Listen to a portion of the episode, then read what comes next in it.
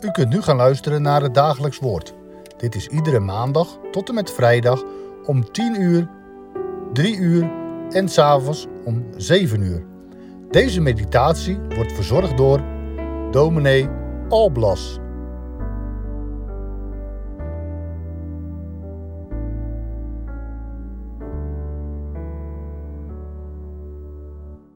Wij lezen in deze periode, volgens het rooster bij het dagelijks woord, uit het Evangelie van Marcus, hoofdstuk 3, vers 7 tot en met 12.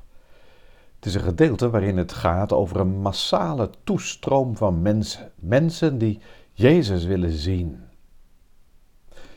Ja, soms zie je dat gebeuren, ook in deze tijd, dat mensen helemaal gek zijn van een ander mens en massaal op iemand aflopen. Ik denk nog niet zo heel lang geleden aan de overleden voetballer Pele in Brazilië. Massa's mensen kwamen de straat op. Ze zongen, ze juichten, ze stonden uren in de rij om het stadion in te gaan waar het lichaam van de overleden Pele was opgebaard. Ze kwamen om hem de laatste eer te bewijzen. Voor hen was hij een soort zoon van God, die hen zoveel vreugde had gegeven in hun leven. Waar ze vaak moesten leven in een stuk armoede, had Pele hen daarbovenuit getild. Waardoor? Ja, door te voetballen, door kampioen te worden, door hen de vreugde van een overwinning te geven. In een spelletje. Maar ze kwamen massaal om de laatste eer te bewijzen. De laatste eer aan een dode verlosser. Ik moest daar aan denken toen ik het gedeelte las uit Marcus 3. Ik zal het u eerst voorlezen nu. En Jezus vertrok met zijn discipelen naar de zee, en hem volgde een grote menigte uit Galilea en uit Judea, en uit Jeruzalem en uit Idumea en van over Jordaan, ook een grote menigte uit de omgeving van Tyrus en Sidon, die gehoord had wat voor grote dingen hij deed, kwam naar hem toe. En hij zei tegen zijn discipelen dat er steeds een scheepje bij hem moest blijven vanwege de menigte, opdat ze hem niet verdringen zouden. Want hij had er velen genezen, zodat allen die aandoeningen hadden op hem aandrongen om hem te kunnen aanraken. En telkens wanneer de onreine geesten hem zagen, vielen zij voor hem neer en riepen: U bent de zoon van God. En hij gebood hun streng en met klem dat zij niet bekend zouden maken wie hij was. Ja, je leest hier van echt een massale toestroom van mensen uit allerlei gebieden. Galilea, Judea, Jeruzalem, over de Jordaan, Tyre, Sidon, van noord en zuid, van oost en west, van heinde en ver, overal vandaan komen de mensen. Dat moet toch wat geweest zijn?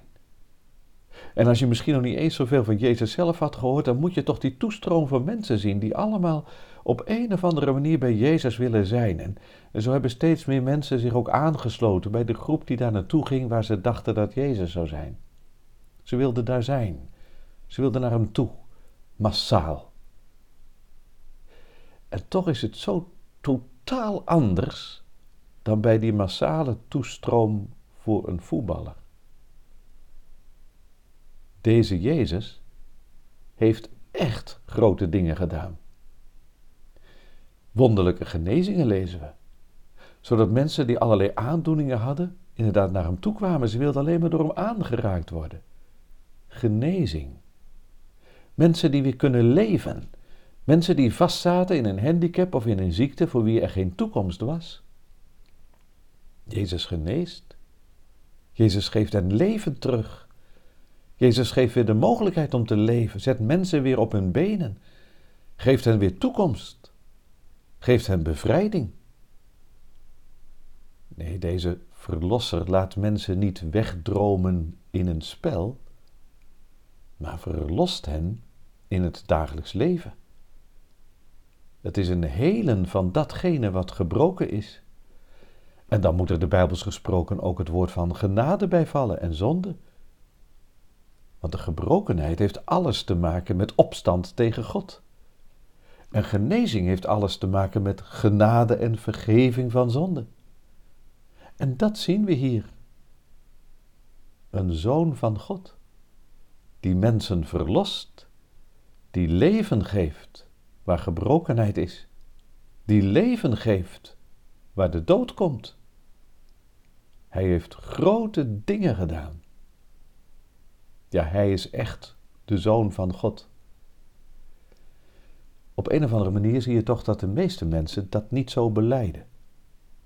Op een of andere manier zien ze wel in hem een wonderdoener en zijn ze blij met de bevrijdingen die hij geeft, zijn ze onder de indruk van de grote dingen die hij doet. Het zijn de onreine geesten die voor hem neervallen en riepen: U bent de zoon van God. De onreine geesten bewijzen hem de eer. Dan heb je het merkwaardige dat Jezus dat afwijst. Dat wil hij niet. Hij wil niet bejubeld worden als een mens die dan wordt gezien als de zoon van God. Hij wilde geen mensverheerlijking. Dat komt straks wel. Als hij echt in goddelijke macht de dood heeft overwonnen en als koning plaatsneemt naast zijn vader in de hemel. Dat komt straks wel.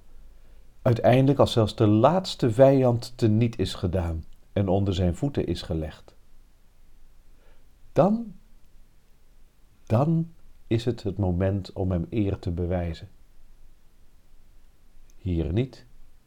Hij gebood een streng en met klem dat ze het niet bekend zouden maken. Niet de verklaring van de onreine geesten. Maar uiteindelijk gaat het om geloof. Dat mensen mogen zien wie hij is, mogen beleven wie hij is, mogen vertrouwen op wie hij is, hun leven in zijn handen mogen leggen, eeuwig leven mogen ontvangen. Hij heeft grote dingen gedaan. Als je dat nu zo hoort, komt de vraag naar ons toe. Wat doet u? Wat doe jij? Gaan we naar Jezus toe? Van heinde en ver, massaal kwamen de mensen. In onze tijd is de massaliteit van de volgelingen van Jezus wel weggezakt. In dit deel van de wereld wordt het steeds minder en minder. Geen massa's meer op de been voor Jezus. Maar komt u wel op de been voor Jezus? Komt u wel naar Hem toe? Komt u wel naar de plaatsen toe waar de mensen samenkomen om te luisteren naar datgene wat Hij te zeggen heeft, om door Hem aangeraakt te worden in Zijn woord en door Zijn geest? We kijken nu niet naar wegblijvers. We gaan niet zitten klagen van er zijn zoveel mensen niet meer. De vraag is, bent u er wel? Staat u wel in de rij? Want weet u, uiteindelijk heeft dat hetzelfde effect als, als bijvoorbeeld zomers, als je binnen, op een plein bent en daar heb je een terras, meerdere restaurants naast elkaar. Het terras dat leeg is, gaan mensen niet zitten. Het terras waar al anderen zitten, daar wordt plaats genomen.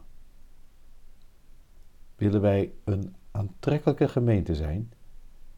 Willen wij mensen, anderen uitnodigen om bij Jezus te komen? Dan zullen we zelf die rij moeten vormen. Als mensen ons in de rij zien staan, dan, dan gaan ze aansluiten, komen ze erbij. Dat is de oproep. Staat u in de rij? Komt u naar Jezus toe? En wilt u Hem eer bewijzen? Nu al? Nee, niet de laatste eer, niet aan een dode verlosser, maar aan een levende, aan Hem die alle macht heeft, die overwonnen heeft, die inderdaad komen zal. Nee, niet de laatste eer, maar Hem eer bewijzen op een manier die nooit meer zal eindigen, die eeuwig blijft. Hem alle lof zingen. Doet u, doe jij mee? Laten wij samen bidden.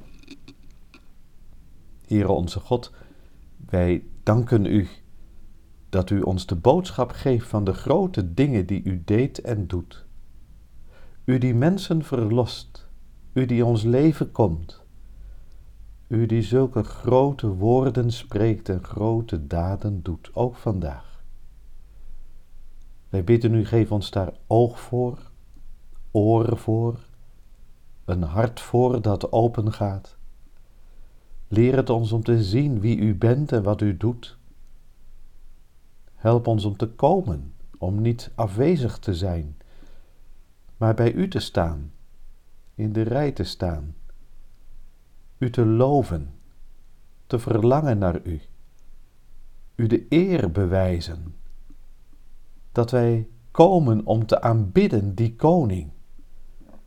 Ja, Heer God, wij bidden u, geef dat aan ons, trek ons naar u toe en laat ons zo een getuige zijn, dat ook wij anderen mogen meenemen en aantrekkelijk mogen zijn, omdat u grote dingen doet, omdat u de Zoon van God bent, o Heer Jezus, omdat u de overwinnaar bent op ziekte, zonde en dood, omdat u eeuwig leeft en wij met u mogen leven om u alle eer te bewijzen. O God, wij bidden u, wees met ons.